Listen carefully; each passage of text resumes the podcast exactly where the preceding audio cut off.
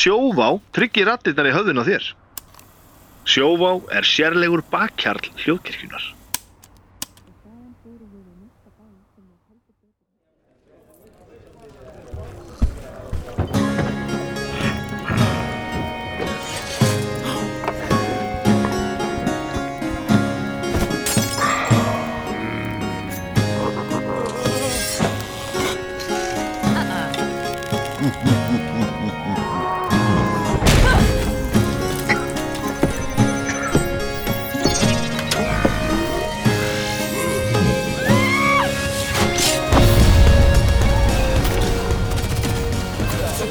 Medieval. Ég fann svona í hérna síðasta podcasti þá fann við svona að vera að tala um mig undir rós rosalega mikið. Jú, Já, og einn af okkur fekk COVID það var eitt.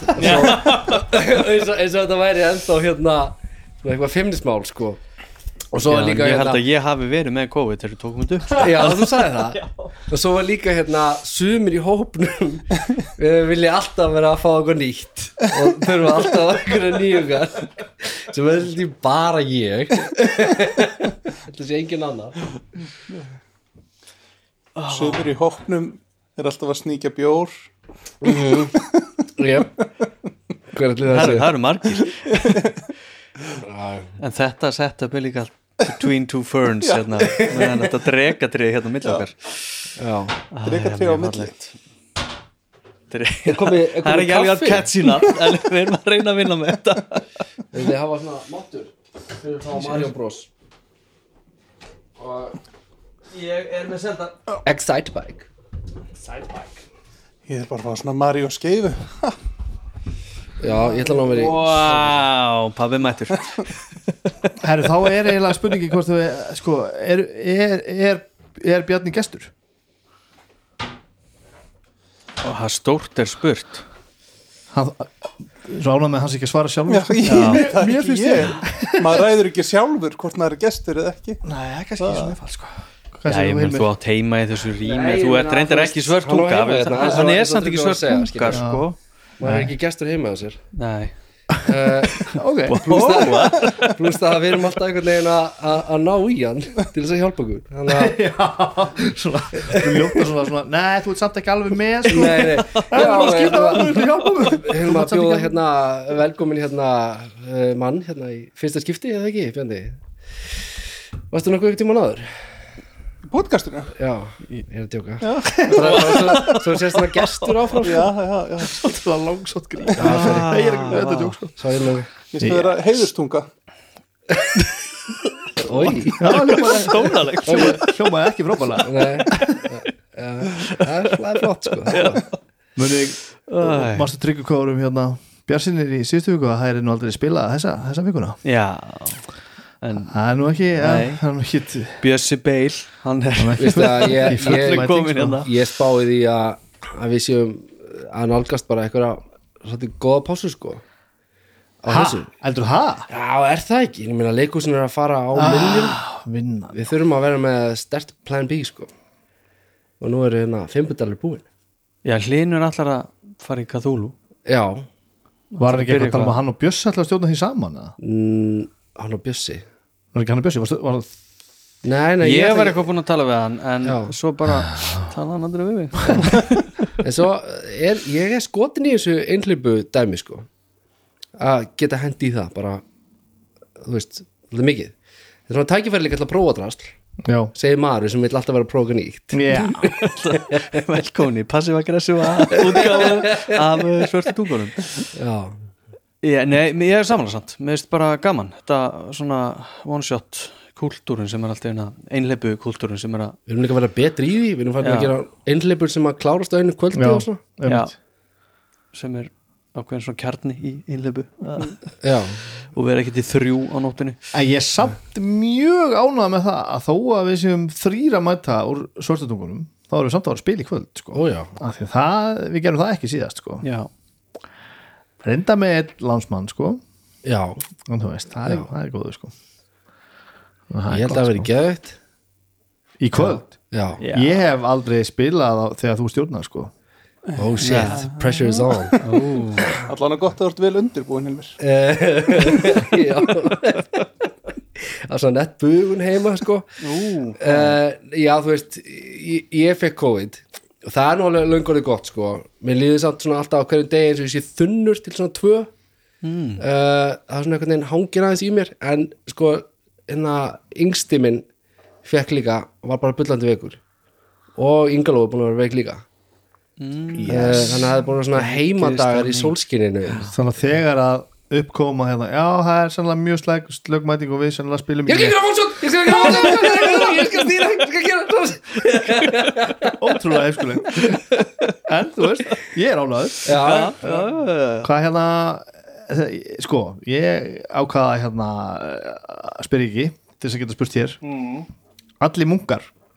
Já, hvað, þetta er, þú veist, ég er að koma nýri inn, í þetta. Þetta er eitthvað, eitthvað sem, sem þið hafa ekki stáður eða eitthvað? Einsni sko Bjarni var með einu sinni, einu spili Þetta er þetta með munkin sko mér já, þú varst náttúrulega ekki með heldur Nei, þetta er bara þeir tveir sko. og svo við tveir. Málið með munkin er að mér finnst hann pa passa svo illa inn í svona Forgotten Realms heiminn, einhvern veginn Mér finnst hann að vera svona það er svona típiska svona fantasy þú veist, personur og svona einhverju vestrann fantasy já, og svo munkur Já. Sem er miklu austur Þetta er bara eins og kung fu í tolken Já, sögu já, sem er eins og það væri svona einn kung fu sko. karakter í en, Tokyo en augljóslega frábær hugmynd sko. Já, já. En, Já, já, ef, ef að þú veist ef að, ef að Van Damme hefði verið í Lord of the Rings já. ég hefði ekki kvarta neitt Nei, sko. nei, það er ekki er geðvægt En sko, af því að hann er svo austurlegskur, hann er frá fucking Belgi sko. muscles from Brussels. Pæling mín er að bara spila bara svona eins og við gerðum í, hérna í þar síðustu viku eða hvernig það var og þá spilum við bara, þú veist, kung fu bjómynd já, já, já, og bara heimurinn er bara svona, daldið svona típist og erum við að fara að gera það? Já, ó, já, yes, já. Vá, ég er með kóbolt Já, nei, það, það, það er þetta flavor frá, frá já, hinn ég skil, ég skil. Já. en þetta er samt bara í stemningunni og öllu eins og bara, þú veist, 70s kung fu myndirnar. Í, svona, í, í, í mestalagi þetta hérna Crouch and Tiger, Hidden Dragon svona Já, já. episka kung fu dæmið en já, ég veist að, ég veist að virka vel. Það var gaman að prófa þetta sko. og hugmyndin er aldrei stólin líka úr þarna Candlekeep Mysteries einhleipu sem eru e, svona munkaæventýri og svona mælt með því að að spila munka í því. Ég hef aldrei spilað munk sko. Nei. þannig að það var gaman að kynna sér það og ég fór svolítið á internetið og svona já já, munkar og það er eiginlega alveg sama ef þú googlar 5 e munk og get drasl, umulegt bilað og bara þannig að það var ennþá skemmtilega líka sko. Já, þess vegna var líka bara ef það eru bara munka Já, þá já, hefur já, ekki þess það- að bera þið saman. Það er skemmtileg hugmynd Já, sko og er þetta Já. bara svo skemmtilegt að bara að banna multiklass og eitthvað þá bara, já ok, ég er, ekki- það, er engin bestun hérna í gangi. Ég er bara eitthvað munkur, ég er bara að fara að kýla og vera fyndin, það er geggjað. Já, Stunning Strike. Já, bara, allir. sinnum þrýr, langarlega beint í pungin Hlaupóksla langt já, þetta er, er skemmtilegt sko. Þetta er alveg Það er að spila þetta á, á, á kortið það Nei, allt ég eitthvað það mænt bara. Jálfurri, Já, vá. Ég gerði það í síðustu viku. Þar síðustu viku fyrir geði og hérna ég var búin að þú veist, búin með þetta svona smá kort í haustnum mér varst alveg svona þokkalega auðvöld að segja bara nei þú nærði þessu ekki, jú þú nærði þessu tekur Já. einu fyrir viðbót eða eitthvað, ef þú dassar það nærði þessu. Það er svona, þú veist hver getur sagt ef ég hefði rámt fyrir mér sko? Geta allir. Já, það er bara er le, Leikurinn er ekki þannig sko. nei, Það er bara, jú, ég næ. Já, Nei, þú næ, jú, jú, jú, þrem tímum síðar, jú, Jú, jú. nei, jú. Jú. Nei, sko, ég var hérna Ég var, sko, ég var á baku súluna En ekki svona já, einmitt, einmitt, einmitt. Hafið þið lent í svona?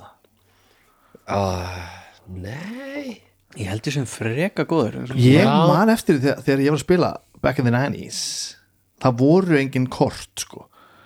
Og ef að svona reyfildi komu við erum svo gamlir, það var ekki búið að finna kort fyrir, fyrir kort að gera listina já, að ef að kom upp reyfrildi og ég var að stjórna þá teiknaði ég bara svona skýringamynd sko, þetta Já. er herbergið. Já. hér er sófi. Þú ert hér, þess er hér. Þetta er á langt, sestu Einmitt. niður. Já, og þá var það bara eins og, eins og það var eitthvað betra heldur en þú segir bara við mig bara, nei þú nærðis ekki. Býtu, ég ætla að hérna, taka hérna línustrikablað já. og ég ætla að tekna mjög hratt og illa á það til þess að sanna það fyrir þér. Það tegnar náttúrulega bara myndin eins og þér En með minni þegar ég var úlingur þá var einhvern veginn ekkert þá stóðstu bara alltaf hliðin á vondakallin eða í örvar fjarlægð Já, þú veist, það var ekkert verið að sirka það reyningum, það var bara eitthvað þú hleypur að honum og lemur hann. Þetta var bara kannski pínu einfalt. Og aðal tíminn fór ég að rífast hvort væri betri körfubólta Scottie Pippen eða Karl Malone. Þetta er nú, þessu er nú auðsvarað. Já, já, já við skulum ekki fara, við skulum ekki byrja ég var bara svona Scott Pippen er miklu betri heldur Karlmann miklu ah, nú fæ ég bara alltaf inn svona svona, Já. svona PTS hérna. Postman? Ég hef aldrei fylgst ég mikið minn heitni íþrótt sem ég hef ekki fylgst með eins og NBA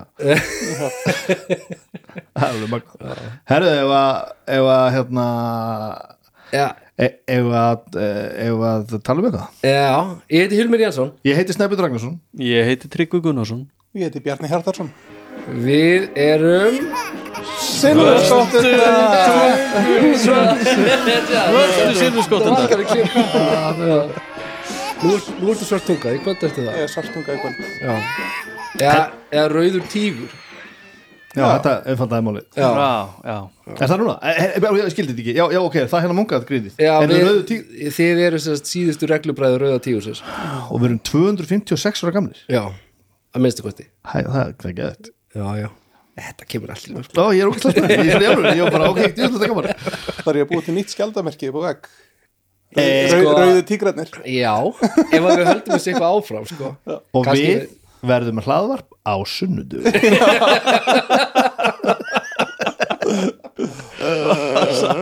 ah, Hvað ætlum við að orða þetta? Rauður, og blá svartur. Er, er eitthvað með síman hérna, sín, eitthvað stað nálat sér? Já. Þetta er af fræðinum. Það er hérna Gaman eða Nei, grín, Nei, grín. eða grámigla Grín Já, eða gámigla Einmitt. Grámygla. gaman eða leiðilegt? Já, En við ætlum að Við ætlum að að að taka þetta svolítið við um skilningi sko. Ég held að þetta sé frábært topic sko. Já. Ég held að geti verið það sko. Það var búið að henda upp á þráðu líka. Sko, Grína Grámigla var held ég Halli Guðmundsson sem að, hann kom með það held ég. Svo var líka high eða low fantasy. Neymdroppa fólki sem að, sem að kastar sinna þráðin það er svo helviti gaman að Já. Hvað eru margir að hlusta á þið elski mig.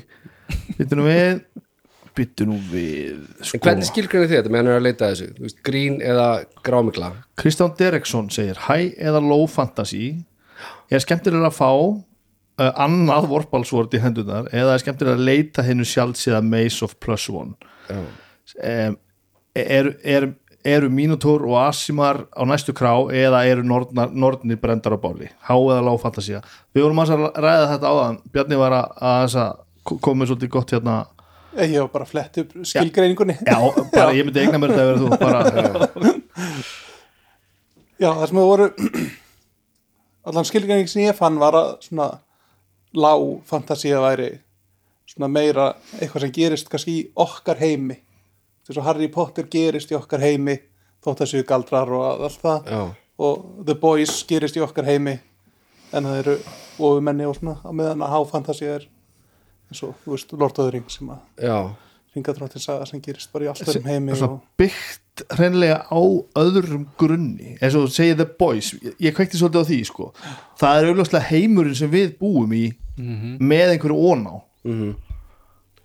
En gæti þá low fantasy ekki verið sko í ykkur svona töfraheimi en það er einhvern veginn svona nær okkur nær okkar reglum eða, eða þetta er bara einhver einn skilgreining sem ég Já, fann sko, já. ég ætla ekki að hengja hana sko.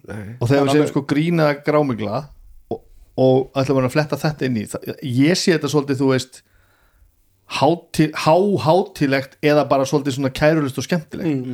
Kannski er skítið að setja high og low fantasy undir þennan hatt alveg en enga síður sko. Það er kallast á sko. Já, ef, alveg- ef, ef, að horfur, taka, taka heiminn alveg hrikalega alvarlega og, já, einmitt og, og spila í því hafið einhvern tíma að spila þannig? Þannig að það sé bara sko ekkert svona tongue in cheek svona þú veist tilbúin í einhvern veginn næsta brandara. Bara, bara allir lifa sig bara þú veist, fyllilega inn í karakter ekki brjóta þú veist, hafið einhvern tíma mér finnst þú alveg detta stundum í það í, í strat sko.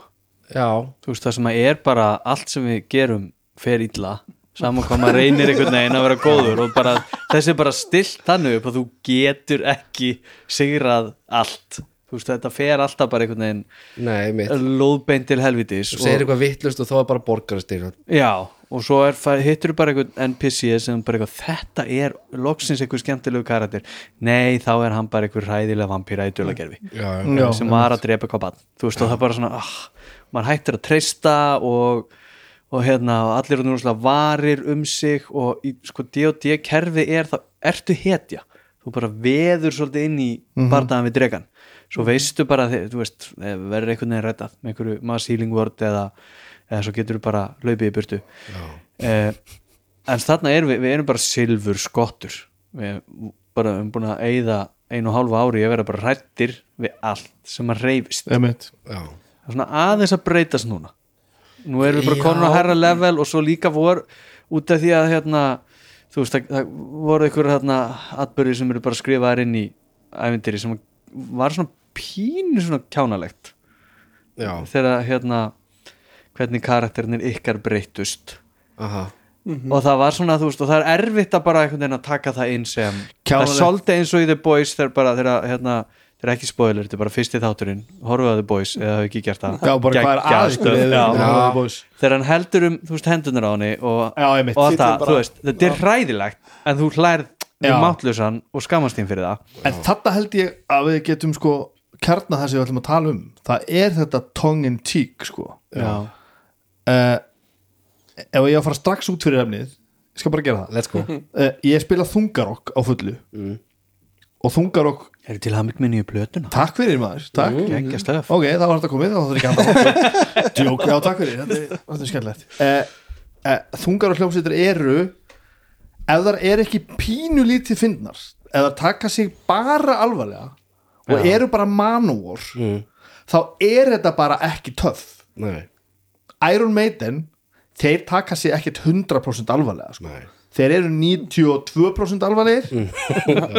Restin er bara hei, hei, hei, þetta er ógeðslega gaman sko. Black metal hljómsveitir sem eru bara allan daginn að vera rosa töff eru ekki nei, um leið og slaka bara hans á því og bara sérð komikina í sjálfu þér einhvern veginn og leifur þessu bara að vera gaman þá er gaman. Ég meina, já, hjartanlega sammála mér finnst þetta frábær samlegging þú veist, þarna þarna velti ég svolítið fyrir mér með hérna larpið. Vegna þess að mér finnst eins og það format krefjist þess að þú sért ekki að djóka. Þú sért ekki að gera grína aðstæðunum eða karakternum, þú sért bara full- fyllilega on it kannski er það vittlisa hjá mér, ég, ég veit ég, ég, ég upplifið þetta eins. Og ég ætla ekki að skáða þetta sem kólrámt jókur Já. Já, ég held að við séum svona hrætti við þetta af því að við höldum að við höldum þetta upplifum og ég held að bara fólk sem ekki spilar uh, hérna hlutverkarspil líti á hlutverkarspil þannig. Já, þú veist að við séum bara hérna mætum hérna og um leið og við förum úr útiskónum þá bara Já, já, já. verði ég hundur búi þú Ó, bara alveg að vera þannig og, ógeðslega góð einsýn, þetta er svo satt sko og hérna og þú bara þú verðir bara að vera þannig og þú megir ekki, þú veist hlæja eða. Poppa á meðan hérna er hræðilega hávara örbylgjótun og í miður sessunni. Henrik Búi, hvað ert að borða? Hvaða exotíska baun er þetta? Þú múst að hitta þarna? Og svo eru allir sem að hafa ekki farið á þungurasfestival upplifið það sama sko, með það er allir hlæjandi og láta svo fíbl þar sko. Já. Já, akkurat. En ég, ég held samt sko að- Mér langar alveg að prófa. Mér langar að prófa einhvern tímann að, veist, Þetta getur verið one shot. Það sem er bara ákveðið að það sé bara grámikla bara grámið bara hér á ekki Ok, við ætlum bara að roleplaya hérna fjóra þreytta fjölskyldum það er allir með COVID heima. Já, en þetta snýst, Eh, náttúrulega- bara hér á ekki bíllinn vera var neitt að bila. Stuð. Já, þetta snýst ekki um það að það eigi e e eðlilega að það eigi að vera leiðilegt en ég man alveg af, svo ég fyrir aftur in the 90s þegar ég var að byrja á þessu þá fannst maður þetta svo Nei, þetta er ekki spil sko. Þetta er sko spunaspil. Og maður var eitthvað svona bara og þá var þetta svona til mis, man ég, maður upplifði þetta nærði að vera svona raunveruleika simulator eða svo leis Já. bara mátti ekki víkja frá reglum nei, nei, nei, þetta virkar ekki svona. Og, og þ- þá var meira af þessu, maður vildi ekki að þetta væri eitthvað svona allt of létt, það mátti hlæja sko, já, en þetta var það, þetta var alvarlegt. alvarlegra mál sko. Já. það er ekki fyrir maður er bara, ég var um 40 eitthvað sem ég bara í alvörunni settist niður við hérna með þetta borð og bara svona, herrðu, já, það eini tilgangurinn hérna er að koma gladari heim heldur en þegar ég komingað já. að það sé eitthvað skemmtilegt búið að gerast. Það er eina sko. En, ok, svona það er önnur hlið á þessu finnst mér sko að því að uh, verandi leikari og hafa leikið í fullt af einhverju svona drama-drama. Það sem að þú bara mætir í vinnuna og verðst bara full on í karakter. Og verðst ekki það fýblast þú bara stígur inn í veist, erfiðar aðstæður á sviðinu og bara ert í þeim.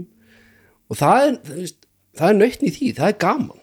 Það er svona að segja, mér langar alveg, það var alveg gaman að prófa það, að bara þú veist, taka filterinn af, svona tongue in cheek filter. Bara testa það einu sinni og það taka kung fu æventýri í kvöld náðum á kannski valdi villust kvöld til að prófa. Að þú tóknaðir og þú ert frá í sex mánuði. Konaðin fer frá þér. Nei, ég man þegar ég kom hérna inn í uh, þennan uh, spilahóp áður en að svörtu já, við vorum heldur já, ég man ekki alveg, ég fekk að vera með einhverju görpstæmi og það var bara ég er eitthvað svona búin að vera að spyrja í einhvern smá tíma og svo bara, ég herði, nú er bara lag nú máttu koma og vera, vera með hérna. Og ég mæti og, og það var bara, sí, sko, spilakvöldið á undan, það hefði verið eitthvað smá drama. Því einhver var þó fullur og það var eitthvað svona árekstur milli spilara. Og, og það var svona, ég mæti og einhvern veginn geggja spennta og þetta er eins og alveg eins og þegar ég var hérna úlingur og ég svo, þetta er svo geggja krú hérna, þetta verður svo skemmtilegt. Og svo bara, já, já, ég var að byrja, heyrðu, já, fyrst þurfum við að reynsa loftið ha. og svo bara þurfti bara aðeins að taka herru þetta gerist hérna síðast og ég byrst afsökunar því og, og, og, og, og þetta gerist ekki aftur og, og já, já, ég var að byrja að spila og var ég, þetta með okkur eða? já, en þetta var hérna hver var svona fullur? auðvitað alltaf Maggi það er alltaf Ég var að Maggi var að klippa um hætt að henda. Ég var- nei, en það var, það það var var, bara það var annar spilari það var annar spilari og, og hérna og bara eins og stundum gerist þú veist, það á bara einhver off-kvöld og er eitthvað pyrraður á einhverjum og það var ótrúlega spes að ganga semst og, og þeir allir búnir á og, já ekki þeir, það var bara hilmir af þeim sem að hér sitja bara búin að spila og vissi bara að það var að ræða þetta og svo búin Já, og svo verður bara gaman. Já. en ég var einhvern veginn bara, æj, æj, er ég að fara að sitja henni í Já, klukkutíma í einhverju svona uppgjöri á milli vina. Já. en þú svo bara leistist það og rosa gaman og, og mikið stuð sko. Þannig að þetta var bara mjög fyndnar aðstæður að Þetta var svona Við vorum eitthvað aðeins að ræða þetta hérna áður en að hérna, en við byrjuðum þessar upptökur. Veist, það er, það er þessi óskrifaða etiketta í spilum. Veist, það sem að mér minnir að hafi gerst þarna var að það var eitthvað sem að bara stopnaði til eitthvað svona ofbeldis við meðspilara sinn. Já, og, og hérna og það er svona byrjar í einhverju flippi eins og gamli slegir gera. Og svo er svona ferða svona eitthvað aðeins og langt og þá verður einhver pyrraður og þá espast hinn upp. Þetta var eitthvað svona mjög kjánulegt en þetta fór þanga sko. Það var eins og já, og var svo bara leist sko, svo heyrir Já, já. maður bara hann var alveg þarna á þessari Facebook grúpu sem er bara eitthvað svona D&D grúpan og þá er svo oft sem að fólk er svona að koma með herri, ég er í vesenni hérna, þessi tveir spilar hata hvort annan. Og þetta er erfitt hérna, da da da og eitthvað. Og ég er svo, ég er svo fegin að vera laus við það. Að vera, já, hérna, og geta bara og ef að þú veist það byrjar eitthvað núningur þá er það bara strax rætt sko. Það er svo, en nú eru kon way off topic hérna. Já, já, en það er já, ágætt að klára þetta samt því að ég held að þú veist ástæðan fyrir þetta er svona er að því að það, þetta er þá rætt. Já, það ég er búin að að vera í það hljómsveitum í 100 ár mm. og það er frábært að vera í þeim báðum þessum sem ég er búin að vera í lengst og eru aktífastar uh, og allir eru vinnir og, og, og vandamann komið mjög sjaldan upp ef við hefðum ekki tækla vandamálin þegar þau komið upp þá varu báðar þessi hljómsveitir í ræsinu sko. þannig að ég, þetta er engin þú veist, þetta er ekki bara spurning um hefni um hvernig fólk raðast saman. Þetta er líka það veist, að takast á við málin þegar og ef þau komið upp sko. Já, já. þegar þau komið upp, ekki Já, ef já. því að það verða alltaf einhver Já. mál sko. Já, auðvitað. Já, og ég held að þetta sé ágættis leksja fyrir fólk sem er að stopna hljómsveitir og spilagrúpur. Bara þú veist, e ekki býða eftir því að aðtuga hvort að þetta virkar. Láttu þetta virka þú veist við erum ekkit eðlilega stóri karateri hérna stundum, þú veist, við erum tíu í þessu húsnaði já, og það er ekki bara það að við séum bara vá, hvað hva allir er einhvern veginn smetla saman bara á þess að þurfa að fyrir veist, við erum alveg allir að vanda okkur og það er stundum bara, eða, þú veist e- pikkar einhver í mann og segir bara herðu, stóri feiti loðni göldurinn, slakaðu aðeins á. Já, það er alltaf að koma fyrir. Já, bara- nei, alls ekki svo leið já, Nei, en hérna gaman eða grámigla því að þú veist, það er bara nákvæmlega eins og þú segir hérna, það er líka gleð, getur verið bara gaman að vera í grámiglunni veist, þegar þetta er þegar, þú veist, ævintýrið er þungt, sagan er þung og svo bara Call of Cthulhu er náttúrulega það er allt ræðilegt, alltaf. En við varum ekki búin að endast í strat í tvö ár ef við hefum tæklað það ævintýr þannig að það væri ekki Nei, við vorum það allir ekki verið að, þunglyndir er ekki verið að grínast og djóka og taka þessu létt sko. en húmurinn er öðruvísi. Já. þú veist, maður ma meira svona mér finnst við meira stillanum upp þú veist, í karakter þar. Kannski rýmar það við veist, að vera að spila hérna high fantasy eða, eða eitthvað svoleiðis. Já. en, en hérna uh, veist, grínið þar er ekki eitthvað svona veist, flip sem að verða til við borðið skilur við, eða er meira svona aðstæðunar verða fyndnar og við leifum þeim að verða það sko. Já, meðan mér finnst sko oft hérna eitthvað svona innanhúshúmor þú veist, tekur oft yfir, þú veist, í svörtu tungunum. Já, veist, og, og hérna þannig að þú veist, það er aðeins öðru sér stemning en, veist, en, en þó, þó svo að húmóratakki við til mér þar þá skyggir það ekki sko, sko sagan er engin fíblagangur sko. Nei, okkur, okkur líður aldrei eins og personur okkar sé að upplifa einhver, einhverja þú veist einhvern húmór og grín, einhvern svona óþarfa húmór og grín. Nei, nei, já þetta verið léttvægt. Já, sagan verður aldrei, aldrei, verður aldrei lettvæg þó, þó að kannski stemningi um borðið sé það sko. Já. Já, ég held að þetta sé eitthvað svona líkill að, veist, þetta tongue in cheek dæmi. Veist, en, uh, mér finnst svona nördismin einhvern veginn virka best þar. Já. að, að, að þú erst aldrei einhvern veginn svona allt of langt frá því að geta, þú veist aðeins gert grína aðstæðanum eða eitthvað svo leiði sko. við erum nærði í einhleipunum Já, karakterir eru nærði að vera, vera að fýblast eða Já, þú veist, já. gera Já, já. öfgafulla hluti og svona eitthvað svona Já. komíska hluti Já. heldur en he- allavega upplifi ég, ég það þannig sko. En svo er bara, þú veist líka hvernig svo er stilt upp, auðvitað en svo þegar ég var með þetta one shot hérna með silfiskottunum þar sem ég bara, að hugsaði bara, nú ætlum ég bara þú veist, þetta verður bara ridiculous. Mhm. og hérna Já, og þú veist, fiskafólkinu. með fiskafólkinu sem kom og opnaðist svona portal, það það voru ykkur varðmenn á hérna hjara veraldar við ykkur brú yfir eitthvað svona, ykkur heljargjá og svo opnast portalin í annan heim. En þeir hittu bara ekki alveg á brúna. Þú koma hermennur og, massir út og þeir detta bara beint út í og svo ah, það lokaði aftur og opnaði réttum stað. Og Já, þú já, veist, já. og voða gaman og svo kom einhver svona fiskafólk sem að hérna, vil, vil fá að tala við leitóan og þá við einhvern veginn að tækla tungumálið og í staðin fyrir að hafa einhvern svona galdur eða babulfiss þá bara, herri, þetta verður bara fárlegt ég ætla að vera með hérna einhvern snák sem þú ert að setja upp í rassin á það þér. var áll. Áll, já, upp í rassin á þér. Til þess að skilja. Já, og þú veist, ég ég ætla bara að prófa Já, hvað gerist einmitt, og einmitt. það, þú veist það var rosa skemmtileg tilbreyting Já. fannst mér, að geta, þú veist, og þá bara fann mann alveg sama. Hvernig, talaði aftur fiskafólkið? Og svo var bara ekki hægt að skilja fyrir maður fekk ál og þá kannski byrjaði að tala annars skýtana og þú veist, ég myndi ekki nenna þessi í heilt já en þetta var rosa gaman bara svona þú veist, eitt kvöld Já, og þú veist, maður hefði kannski alveg getað tekið 2-3 eða eitthvað, en Já, þú veist, þetta er bara eins og að horfa á einhverja svona fáralega bíómynd, eitthvað, þú veist, vil hérna uh, já, vil farelmynd bara. Þú veist, það er rosa gaman einu sinni. Svo að þú, þú veist, þetta er ekki kannski myndirna sem þú bara vilt alltaf vera að horfa á. Nei. En, Nei, Ég veist, algjörlega sammála. hérna uh, við vorum með eitthvað uh, vorum eitthvað aðeins að tæpa á þessu með þessu podcast þú veist, veist critical role vera nærið í eitthvað en að taka sig alvarlega. Uh, sumir hérna hafa líka hlusta á Dungeons and Daddies. Já, það er alveg hinn pótlið Já, alveg hinpóti Já. Það er bara alltaf verið að leita næsta pönsi eða eitthvað sliðis og þetta finnst mér mjög auðvelt að tala um sko, high fantasy, low fantasy. Já. ég finnst þetta eiginlega alveg vera nákvæmlega Algjörlega. Já, það líka því að þau eru Bjarni í okkar heimi með annan fótinn Já, í, já, já. í Og það hérna, Dungeons and en Daddies ég var nú að, út af því að ég var að hérna hlusta á, á Dungeons and, and Daddies og þá noti þetta þegar ég, þegar ég hlusta á þetta þá er ég bara með aðtekli við þetta og finnst þetta fyndu og, og, og hérna en svo stundum nota þetta líka bara ef að ég þarf að sofna. Já, bara sem vamp. Já, þú veist þá bara því að ég veit og svo bara spólaði tilbaka og hlusta á þetta. Og ég, þegar ég var hérna með COVID-ið að þá þurfti ég nú aðeins að leggja mig og ég setti þetta í, í eirun og svo bara sopnaði ég.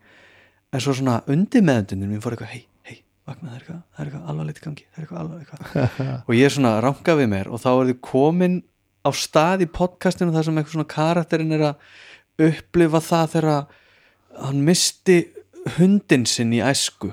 Það er að upp, upplifa svona for, þetta er svona flashback, er svona fortíðarblík. Og, og svona pappin sem er svona einn af aðal vonduköllunum er svona, hann var einhvern veginn að hræðilegu pappi að neyðandi þess að láta hennan hund frá sér og, og, og hérna leikararnir spilararnir fóru bara alla leið í bara, þetta var bara method skilu, þeir, bara, þeir fóru bara bæði að gráta. Og hérna og, í Dungeons and Daddies já, Já. og Dunsimastin þurfti bara eitthvað svona uh, ásakið uh, eitthvað mm. já, og svo sem sagt heldur hann áfram og hérna hún, hún Beth May var einhvern veginn bara grátandi þannig yfir hundinu sínum. Og þá var bara undir meðdinin var bara, heyrðu, heyrðu, afsækja það er eitthvað fólk að þjást hérna. Það er að vakna og, og díla við en, en þarna kemur ákveðin snildin.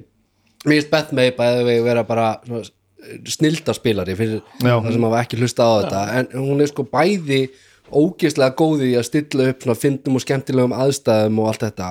En, en líka þetta á svona mómentum þá bara svona vúm og bara droppar hún í bassa. ástæðan fyrir því ég hérna var að tala um þetta er bara þú, þú veist, eitt bara útilókar ekki annað. Ja, akkurat, Þú veist, og, þú akkurat, þarft, akkurat. og það bara styrkir runni hitt, ég er ekki að tala um álæra sinn, það styrkir ekki neitt. En bara þú veist, þessi augnablík og bara við upplöðum þetta í okkar, okkar spili að hérna að, að þegar karakter detta á trúnu eða veist, tala nú ekki um að þegar þið deyja já, þú veist, þá verður það miklu meiri vikt þegar við erum búinir að vera að grínast Já. líka. Einmitt, já. Og- já, bara kreinlega kontrastinn bara. Já, og meni, þetta er bara svona hérna, gullin regla í, í leikúsi og, og bíói. Þú veist að þú að að gráturinn verður miklu sárari þegar þú ert búin að hlæja. Já, já, já, já. á, því að opna hjartað með, Já, með hlátri og- flippi og gríni og, og eitthvað svona. Þið eru svo spekuleraðir já, ég er bara eitthvað hérna á þriðdumur en hafa gaman og þið eru bara Já, heldur þessi maður maður sé að hugsa þetta og meðan maður er að spila? Ég Já, nú er ég búin að stilla vel upp í þetta já, Nú við í erum það. bara nú ætla ég að spila á hjarta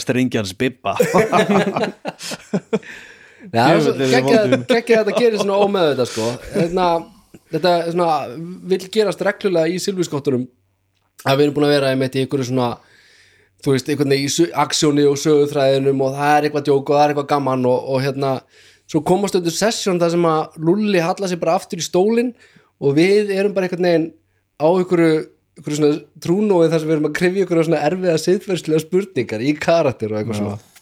Mér finnst það geggja já, það, er, Já, það það er bara- sko. það er alveg geggjað sko. já, hvernig spilaði þú Bjarni þegar að þú, þú, þú varst yngri sko þú veist, jú, það var maður tók þessu náttúrulega miklu meira alvarlega.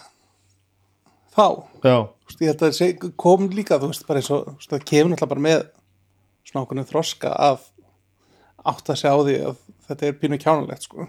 Þú veist, þú getur ekki eitthvað þú veist að, þá var, var þetta miklu meira bara, þú veist alvarlegt og bara að vera cool, þú veist, að gera þetta, sko, en það var alltaf það var alltaf hlátur. Já, Þú veist, all, all kvöld og allt það sko. En ég er alveg samlega því samt sko að, að, þú veist, að það var meiri svona, maður svona ég veit ekki alveg hvort það er samt sko maður var ekki eitthvað meiri karakter eitthvað þannig. En, en þú veist, Já, það var öðruvísi, það var alltaf öðruvísi. Ég líka spilaði ekki D&D þú veist þegar ég var, Nei. þegar ég sagði þarna. Ég, þú við spilaði þú veist Vampire og, og hérna, Mage og eitthvað svona önnur, önnur kerfi sko. En hvernig var þetta þegar þú voruð að spila staff? já, Ó, þetta er svo þetta er bara, Ég, finnst, sko, ég, ég var að heyra þetta í fyrsta skipti og þú komst það að er magnað Ég fannst þetta bara, mér finnst þetta geðum hlustundur sem ekki kveikjaði hvað erum að tala um núna þegar segjum staff skal betta að hlusta á þáttin þar sem að þar sem að Bjarni og Lulli voru gestir í fyrsta skipti. Já, fyrsti þáttur eftir, eftir sumafrið Já, þetta, þetta er bara þetta er bara, það sem ég er svona fólk næstum gæti að skrifa lærðar greinar um þetta sko. já, viðkendi að ég er larpari. Það, Þetta er það hefur bara- verið það allavega. Já, en það var sko magnað sko, af því að það var alveg bara ég held að bara allir strákarnir í bekknum voru í þessu sko, í því, já. Í því, í staffinu sko. Og tóku þetta alvarlega?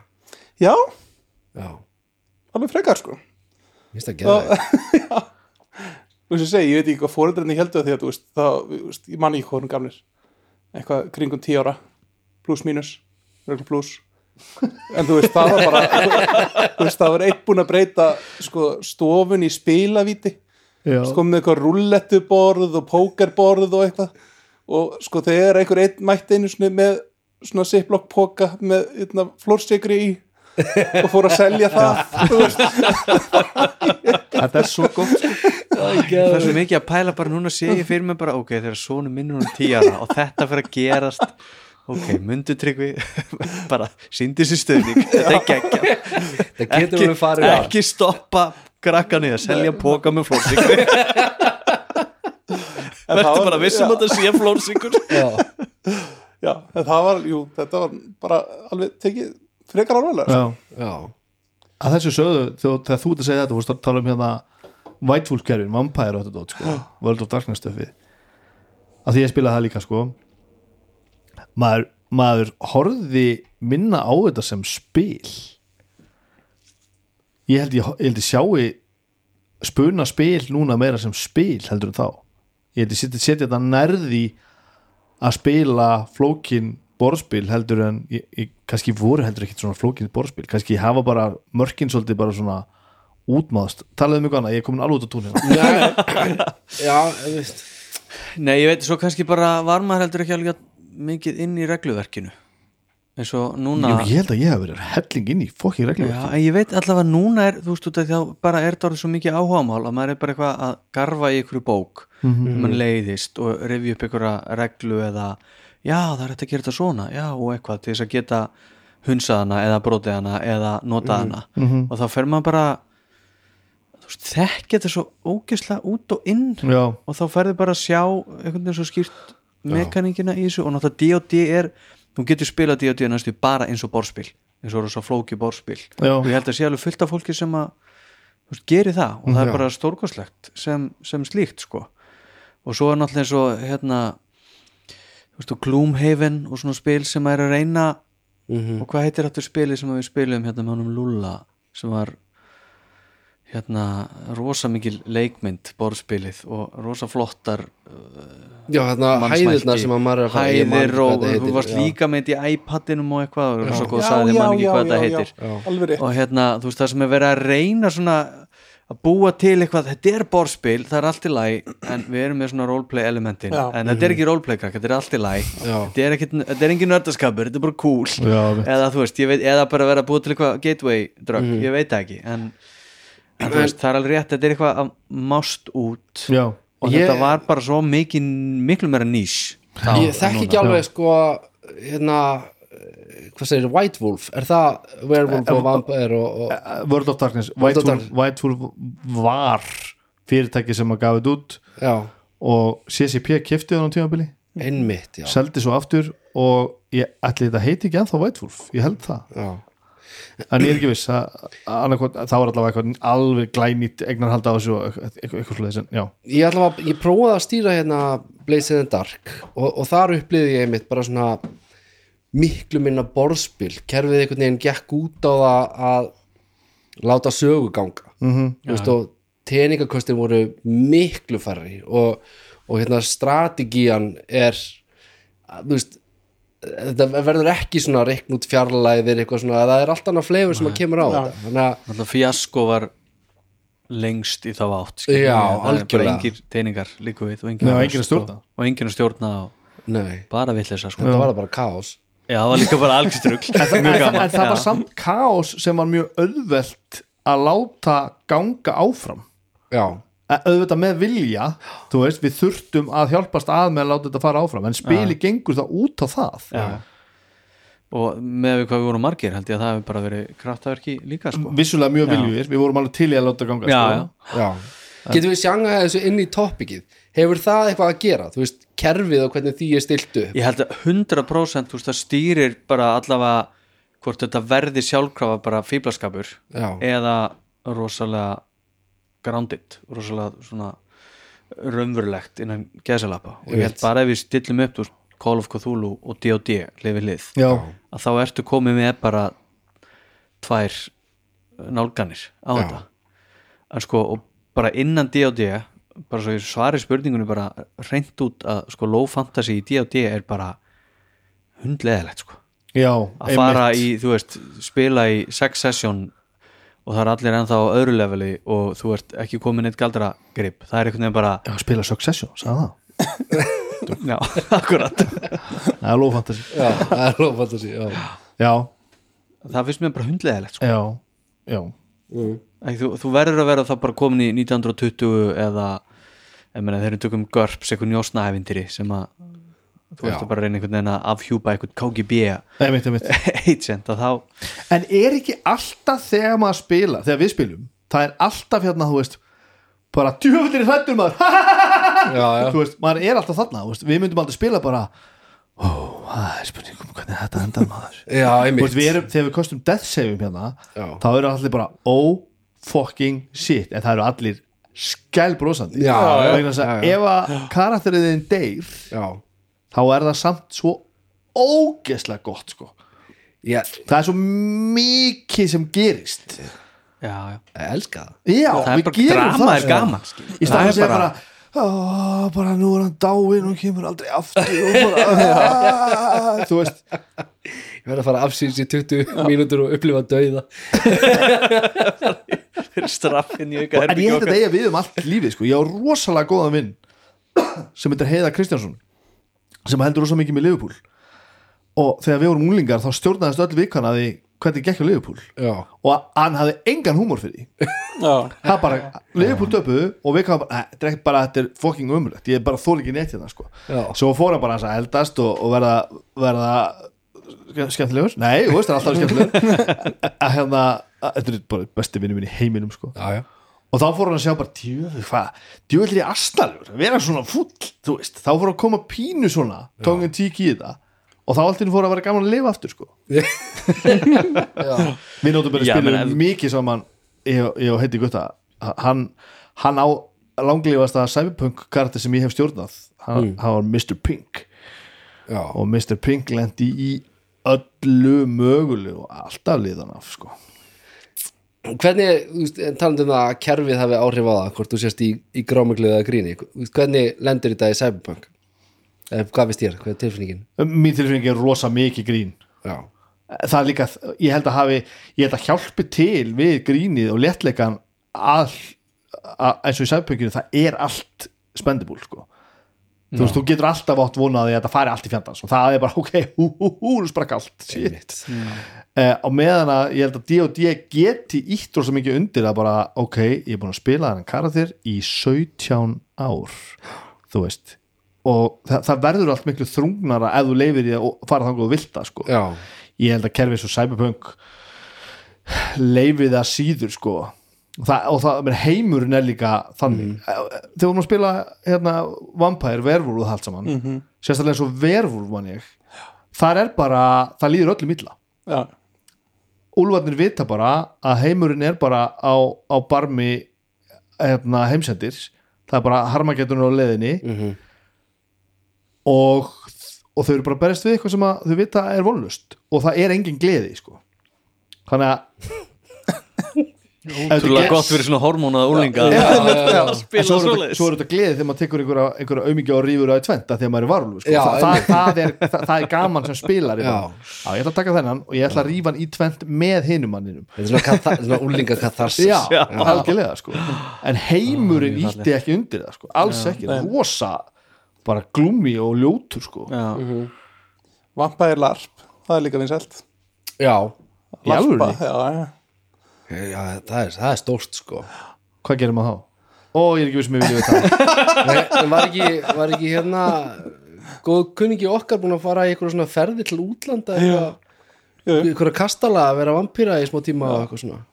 Ég held að svörtu tungurnar verði að gera þetta Við verðum bara að fara til Þýskalands eða hvað sem þetta er í einhvern kastala Já. og vera bara einhver vampýra í, í tvo-þrjá daga og bara koma svo hérna og gefa skýslu Já. Svo laumist þið alltaf inn á klósett Takið upp mækana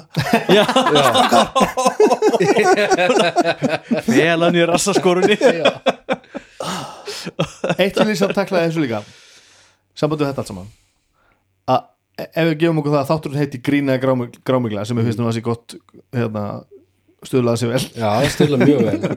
Þá, þá komum við að öðru sem heiti fýblagangur Já, og fýblagangur og grín er ekki það sama sko. Nei. nei. E e ekki endilega það sama við segja. Og hversu mikinn tolerans hefur maður fyrir fýblagang Það fyrir allt eftir aðstæðum náttúrulega. Já, Það verður ekki gaman að vera í einhverju svona alvarlegum aðstæðum er svo karakterið þeir eru að grínast og, sögunni. og Já, þannig að aðalega bara- stratið eitthvað, Já, eitthvað já. kemur með eitthvað svona, svona þú veist máli grínast en eitthvað fýblagangur getur verið eitthvað En- svona off En þú svo er það bara þú verður bara að lesa herbergið. Ef þú ert einn að fýblast þá hérna það, það er ekki, ekki, ekki gott væp Já, í gangi sko. punktur. en ef allir hérna- detti í það? uh, Strat Þú veist, býður kannski ekki upp á endólisann fýblagang veist, það er svona skrítið væp í herbygginu að þú ert einhvern veginn að gera úr aðstæðum og þú ert einhvern veginn að díla við það að, að börn er að deyja eða eitthvað svo leið skilur þú er að, svona, Já, það stýrir því ákveðn átt. En svo eins og hérna Wild Beyond the Witchlight sem ég byrja að stýra og mun kannski klára þegar strat klárast að þú veist, það eiginlega svona kallar á bara frá byrjun. Að fólk sé bara að fýblast og taka sér svona nett létt bara. Eiginlega býður um það. Og þú veist, hvað þið skrifa þannig að það er svona aulahúmor bara inn í ævintýr. Já, ég mitt ég veit ekki, en þú veist, ég held að það þurfi samt, það þarf alltaf að vera einhvern veginn dansa einhvern veginn réttu megin við línuna sko. Það er allavega mjög augljóst því þið eru bara að tala um strat mjög oft já, já, já, að, sko, þar eru þið með ævintýri pluss hóp það sem einhver ákveðin stemning er sem að við kannski, ég upplifa ekki mikið sko. Þannig að þú veist það er allavega heldur nokkuð ljóst að að innihaldið stýrir aðeins alvarleikanum sko. já, Já, algjörlega en hvernig upplifið þú munin á bara í svörtu tungunum annars vegar þegar við vorum í, í vatnatýpi já, að, að hérna leita einhvern fjarsjóð og, og reka bar já. versus að vera komnir niður til helvitis emitt þú veist, það, það er, Það er það er þingri stemming Já, það er þyngri stemming. núna og það er ekki sami, þú veist, fýblagangur því maður er í einhverju auðn og þú veist, þú veist bara að allur matur bragðast eins og úrgangur og það er ekki alveg Já, það er ekki alveg sama gleði Þetta er þú satt, veist, í sko. karakterun Sa, sami hópurinn að gera sömu hluti með sömu karakterum mm. við alltaf aðstæður já. Já. og, það, það, það breytir rosalega hvernig þetta er góðu punktur sko. Og ég menna greiði hrói, svartatunga hérna grínarinn og, og gleðigjafin í hópnum. Það er rosa erfitt að vera söngaskáld í helvíti.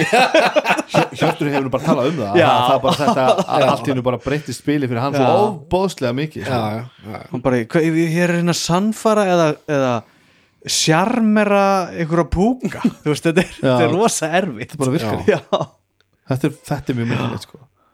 en ég myndi ekki nenn að fýblagang viku eftir viku eftir viku eftir viku eftir viku sko. nei allt í lagi upp að einhverju marki en, en ekki, ekki endalust Svo er þetta spurning, ég var, ég var aftur að þessum blessiðu podcastum, ég er að hlusta á aðra serju af hérna Dungeons and Daddies núna. Og þar er stjórnandinn tilbúin að taka einhverja svona rugghugmynd frá spilara og bara svona full barnana einmitt. Bara svona, já ok, viltu fara þangað? Já ok, þið teleportist þangað og nú er það að gerast. Og það var bara komið inn í eitthvað svona heilan þátt sem er bara eh, þú veist, fíblagangur og, og, og eitthvað svona, þar fær ykkur og hugmynd og allt í einu snýst þetta er allir fannir að reyna að gera eins finna Instagram posta og þeir geta, einhvern veginn í, í leiknum eða, eða eitthvað svona, þú veist þetta hann að uh, og þau haldi einhvern veginn dampi Já. bara á einhvern veginn við, með því að vera konsistant í þessu. Uh, þannig að ég, ég held að þetta sé líka bara spurningum að þú veist hvort að náir að stilla einhvern veginn stílin af þannig að þetta virki, ég veit það ekki. Já, við lendum í pínu svona veseni þegar við vorum með hérna, sorry Benni, við hérna, svörstu tungunar ég fæ bara fram. Að þegar við vorum bara að byrja hérna að Vernus æfindirið að þá tók Bjössi svona hliðarspor þarna út af því að við lásum einhverja bók og sóðumst inn í eitthvað spa já. sem að einhverja nornir voru sem er Já. held ég úr Candlekeep Já, kannski Mysteries, og hérna og það var allir bara, þú veist, svolítið við vorum í bara býnum svona alvarlegu ævintýri þar sem að hérna El Turel, hinn heila borg var horfin, sokkinu til helvitis það er engin, engin höskuldur þarna bara ævintýri byrjar á því. Og, og það er bara svolítið, við erum búin að vera einhvern veginn að berjast ykkur að púka og, og eitthvað og þetta er bara svolítið þungt og svo bara allt hennu konin eitthvað spa. Já, og það kallaði bara á að vera svolítið létt og flip og, og, og fara í heitapottin en það var enginn í svolítið stuði. Veist það voru allir bara eitthvað herru, við þurfum bara, við erum að fara að bjarga hérna heiminum, við þurfum bara að komast hérna út. Og svo er eitthvað, nei, setjist þið og fáið ykkur hérna nött og það er bara e- engan tíma í þetta já, og þá var það rosalega skrítið væp þá var allir bara að spila mjög alvarlega inn í ykkur svona Einmitt. það hefði næstu þurft bara svona ok, hér eru kablaskil, nú ætlum við að gera þetta. Þannig spjall kannski. Já, eitthvað svoleið sko. Já. en þetta var bara, og það varð og það fannst engum þetta gaman. Og meðan þessi stóð. Það var rosa skrítið. Já. og við þurftum bara allt einu bara og, og Bjössi fann það líka og hann bara, að við vorum bara að klára þetta. Og hann einhvern veginn ákvað bara að klippa ekki á þetta strax heldur bara klára þetta. Og þá var þetta bara einhvern veginn svona hérna, Óli hérna var þú veist, komin í einhverja kraftakeppni í einhverju gimmi þarna og það var bara átt að vera augljóslega mjög fyndið. En þetta var bara orðið mjög pyrringur En þú gleymir, þú gleymir einu í þessu samt. Þetta tegði sér svo yfir tvö sessjón já, já, og þegar við mættum í setna sessjónið þá var þetta miklu lettara já, fyrra sessjónið var miklu þingra af því að Já. við heldum að værum að fara í eitthvað sko veist. Eitthvað sem skiptir máli. eitthvað sem er vanir, já, sem skiptir máli. Og, og ég ég held að við höfum bara ekki náða að meðtaka það með svona stuttu fyrirvara Nei. að það hefði gest svo bara var eitthvað núlstilling já, töluðum örgulega eitthvað saman veist, online og eitthvað svona í, í, í, í pásun á milli, vikun á milli sko.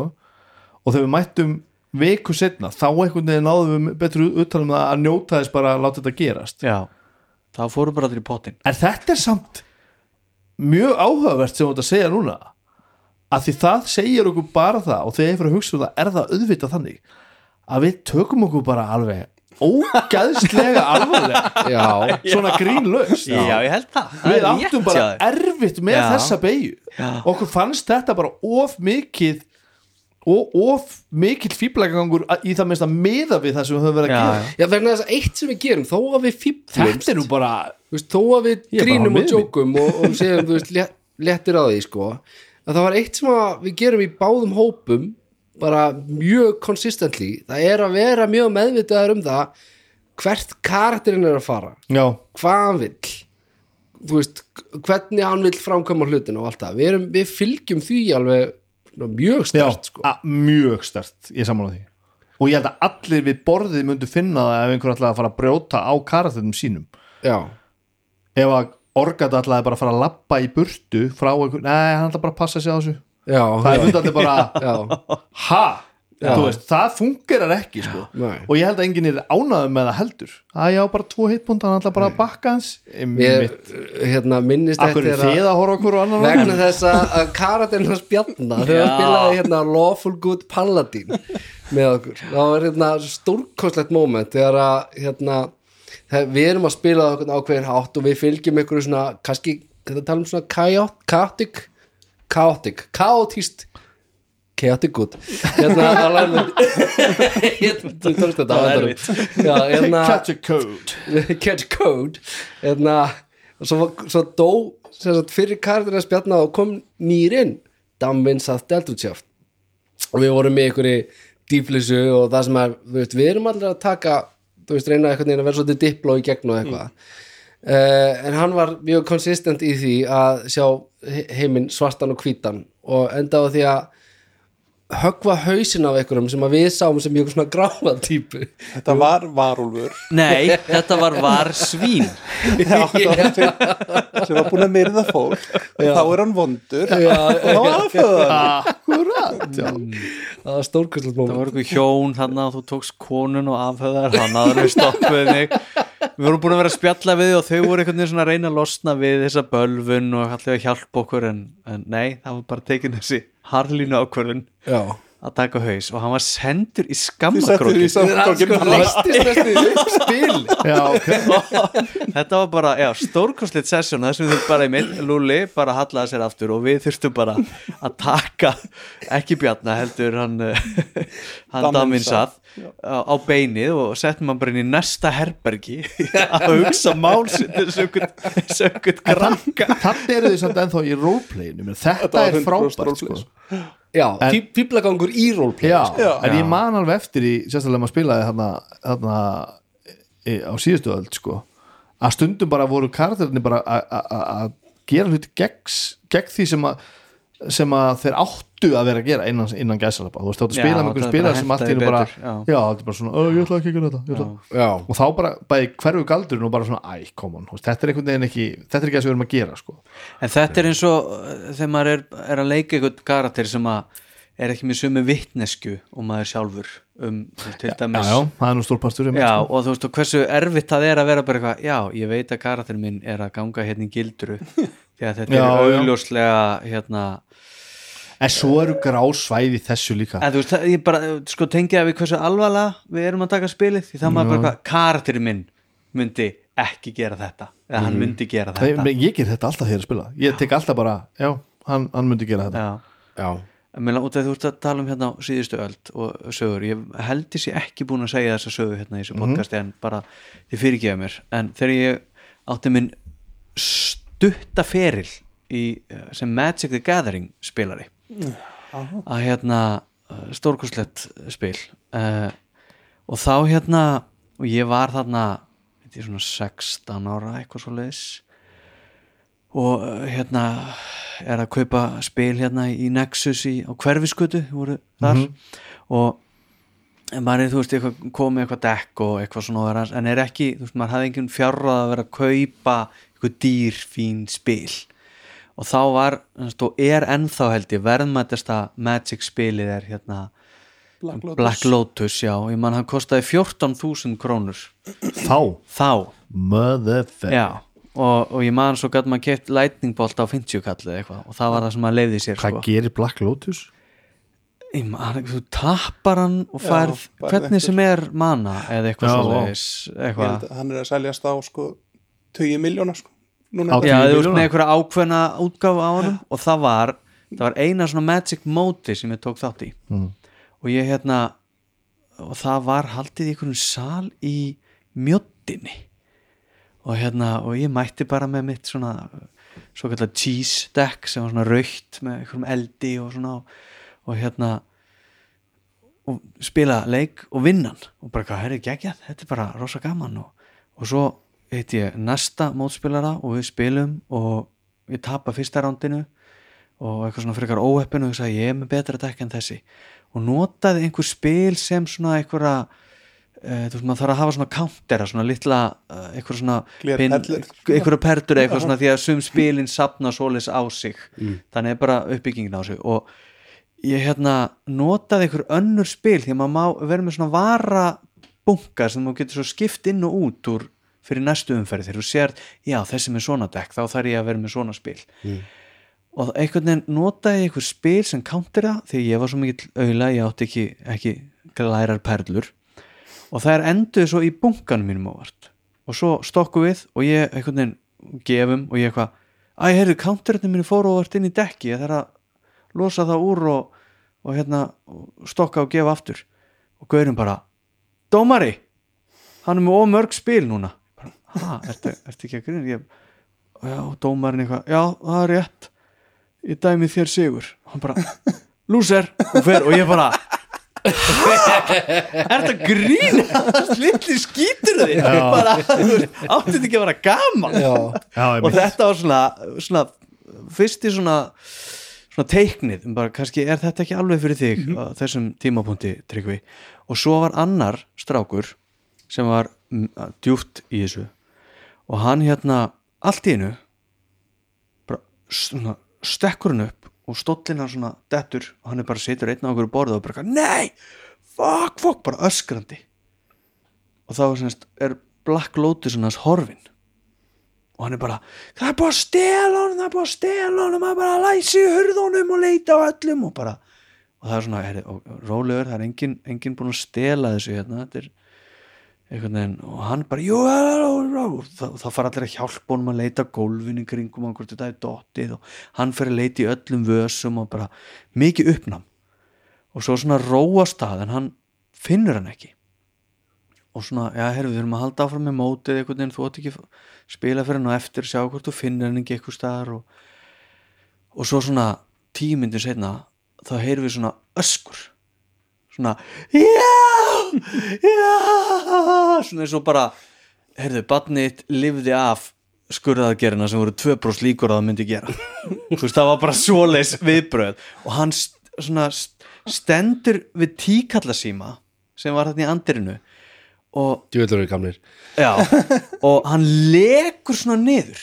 Þú veist með svona bakið við veggin á síma og lekur hægt niður og heldur svona í tóli og svona "Hæ, já, já, og svona þá getur til að þú veist, tóli næri ekki lengra því hann er komin svo neðarlega og, og þá svona hangir henni tólin og sleppir því og leggsa og gólu og bara já, já og ykkur lappar á hann og bara hvað hvað hva, er alltaf læg já, ég gleind honum bara heima. Mamma fann hann. Og, og ég bara tók saman spil minn hendið mér úrslið og lafa át ég bara, ég bara, ég geti þetta ekki Þetta komið að þessu sem ég var að tala um þungarokki sko. Þú mátt ekki Nei, taka já. neitt og varvelega Og ég meina þetta á við vinnuna mína líka sko. Og ég verða lappin á alla fundina sem eru ógeðslega mikils virði og mi margt og mikið undir og fullt af fólki sem kemur að þeim og bara business og brjálaði og eitthvað Ég verða að vera 10% alveg ha- hafa bara, sjá bara Ah, kómikina í já. hvað þetta er astanlegt já, já og þú veist fólk á alþingi sem tekur sér 100% alvarlega. Ekki gera það. þið verðið að sjá fáráleikan í því að stjórna heilu landi sko, eða reyna allavega sko. herri, gleymum ekki þessu við þurfum að gera. Við þurfum að, hérna, við þurfum að tala um, um questpostal komið með hérna komið með hérna spurningu fyrir eldir ok, um Cthulhu, eitthvað sem við þurfum að vita um of Cthulhu. Hmm. Cthulhu ég hef ekki nóg mikið vita og ég man ekki. Þess þá heldur, spurðu hann eitthvað reg reglutar í Call of Cthulhu. Ok, how do I make a character? Vá. How do I make svo óþægilegt að við spurðum how does the world end. Þegar hann kom með einhverja útskýring á því. Það var ekki gaman. Og þetta er ótrúlega spennandi, spennandi hann, þetta var langt svar, ég ætla að þetta er ekki að lesa allt. Ok, ég spyr. How do I make a karakterinn Call of Cthulhu já, nú hugsar hann. Nú hugsar já, já, já, þetta er, þetta er, þetta er svona Já, ég er er kannski alltaf að spyrja hvernig maður myndi drukna eða eitthvað en, en, en þetta er bara fint sko. How do I make the best character? Veitu hvernig svarið byrjar? Ah, the creation of a character in Call of Cthulhu a delicate and intriguing process. Allow me to guide you through these steps. Yes father. Þetta eru fimm step. Ég ætla að lesa allavega fyrsta. Step 1 Generate char- characteristics Roll dice to determine your character strength, dexterity, constitution, intelligence, power, appearance, size and education. These characteristics will shape your character's abilities and attributes. Þetta var step 1 sko. Step 2 Determine occupation, choose an occupation for your character such as a doctor, journalist or professor. This choice will determine your starting skills and equipment. Consider the occupation that best fits your character concept and desired playstyle. Já. Svo ferðu bara í gegnum þetta svona og þá já, ég meina, þú veist það er bara nákvæmlega þetta sem ég ætla að gera þegar ég bý til næsta karakter. Eh, Fyrir fólk sem ekki veit um hvað erum að tala þá er þetta gerfi grendar uh, uh, visk vitkin já, Já. Þetta er, þetta er bottin í í que- questportal uh, hérna, viðmótinu þar sem getur spurt ég, ég, ég sagði því Kolli Kúþúr ég er búin að vera að spyrja rosalega mikið út í D&D hann veit að rosalega mikið út í D&D þannig að hann er að veit á þessu heimildir hann eldir. En þá er sér ekki hann bara er sálmanni. bara þetta að vera hann með sko hvernig sem hann vil sko. Við erum ennþá því að, að þetta sé mögulega heimsættir í uppsiklingu það er elder. Já, já, klárlega sko. Já. eða bjarga, kannski hörru, veit það ekki. núna er að spyrja eldur hvernig maður stoppi global warming Já, þetta er frábært. How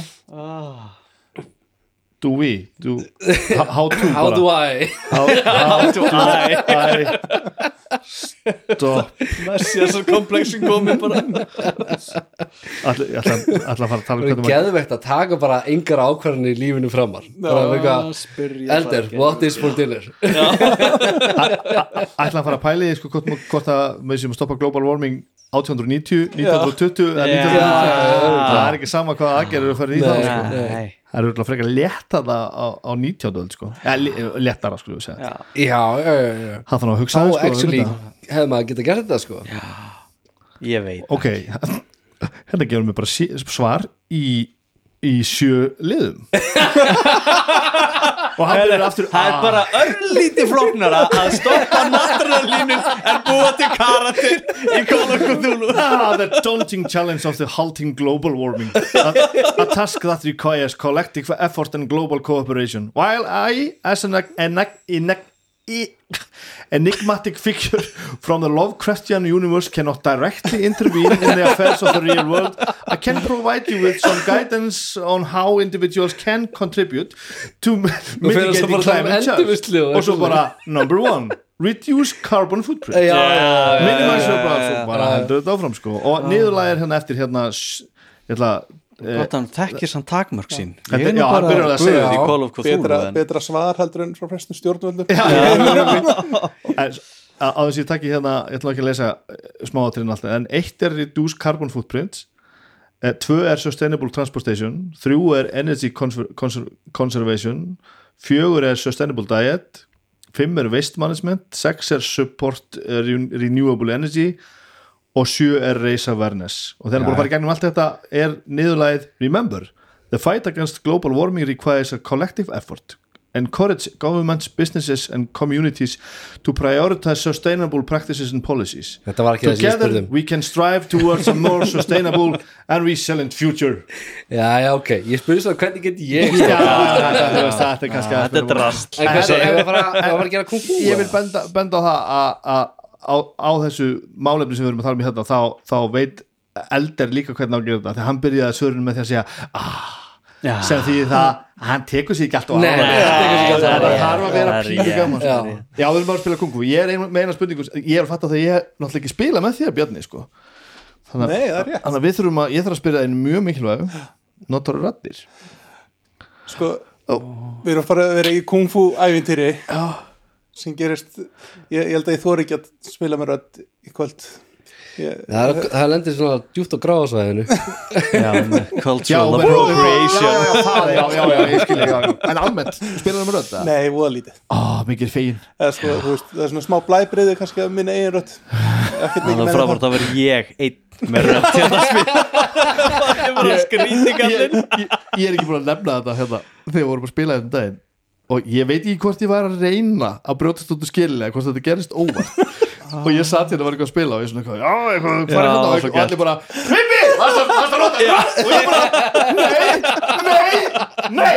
Nei, ég var með lofból í hálsuna það var bara miður mín sko, Eftir á að higgja hefðu þetta að gera þetta svona, þú veist, þetta er svona uppellisfræðilegt til að barnið til að gera eitthvað sem að þú ert búin að reyna að fá það til að gera ekki setja og mikla aðtikli á það leði bara svona það var svona nákvæmlega það sko. Og þeir eru búin að, kýpa mér allavega eitt og hálft ára Jöfullin Já, Herða, en eh, hérna Midgard, við ætlum að vera eitthvað. Já, já, Og- plugga það bara það segjast- eh, við, við, það er ekki búið að þegar þetta er sagt er ekki búið að staðfesta neitt en staðfestum þetta bara. Já, ekki já, ég Það verður gera eitthvað gaman. Já. já, já. það stefnir það alltaf er við sko. á, við verðum með einhvers konar viðburð í, á, á Midgard. Já, við mætum allavega sem framfer 9. og 10. september Já, í lögatursöll og við skulum bara setja pressun á okkur með það að segja bara við ætlum að vera þar. Já, djöfis veistla Já, djúvillig gaman. Slá Veitir hvað kardur minn heitir sem ég er að fara að spila núna? What the heck? Hann heitir What the heck. Það er því að sonu minn er rétt að vera 6 ára hann segir þetta alla dag What the heck, what the heck?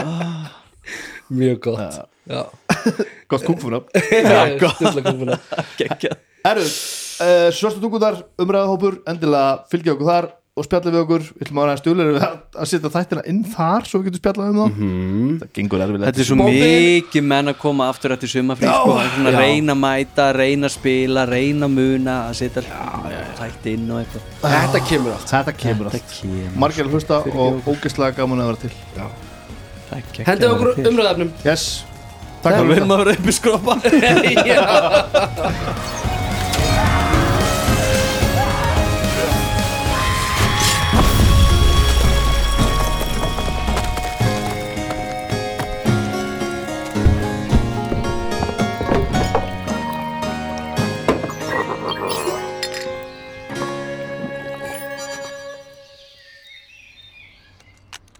Sjóvá tryggir rattirnar í höfðun á þér. Sjóvá er sérlegur bakkjarl hljóðkirkjunar.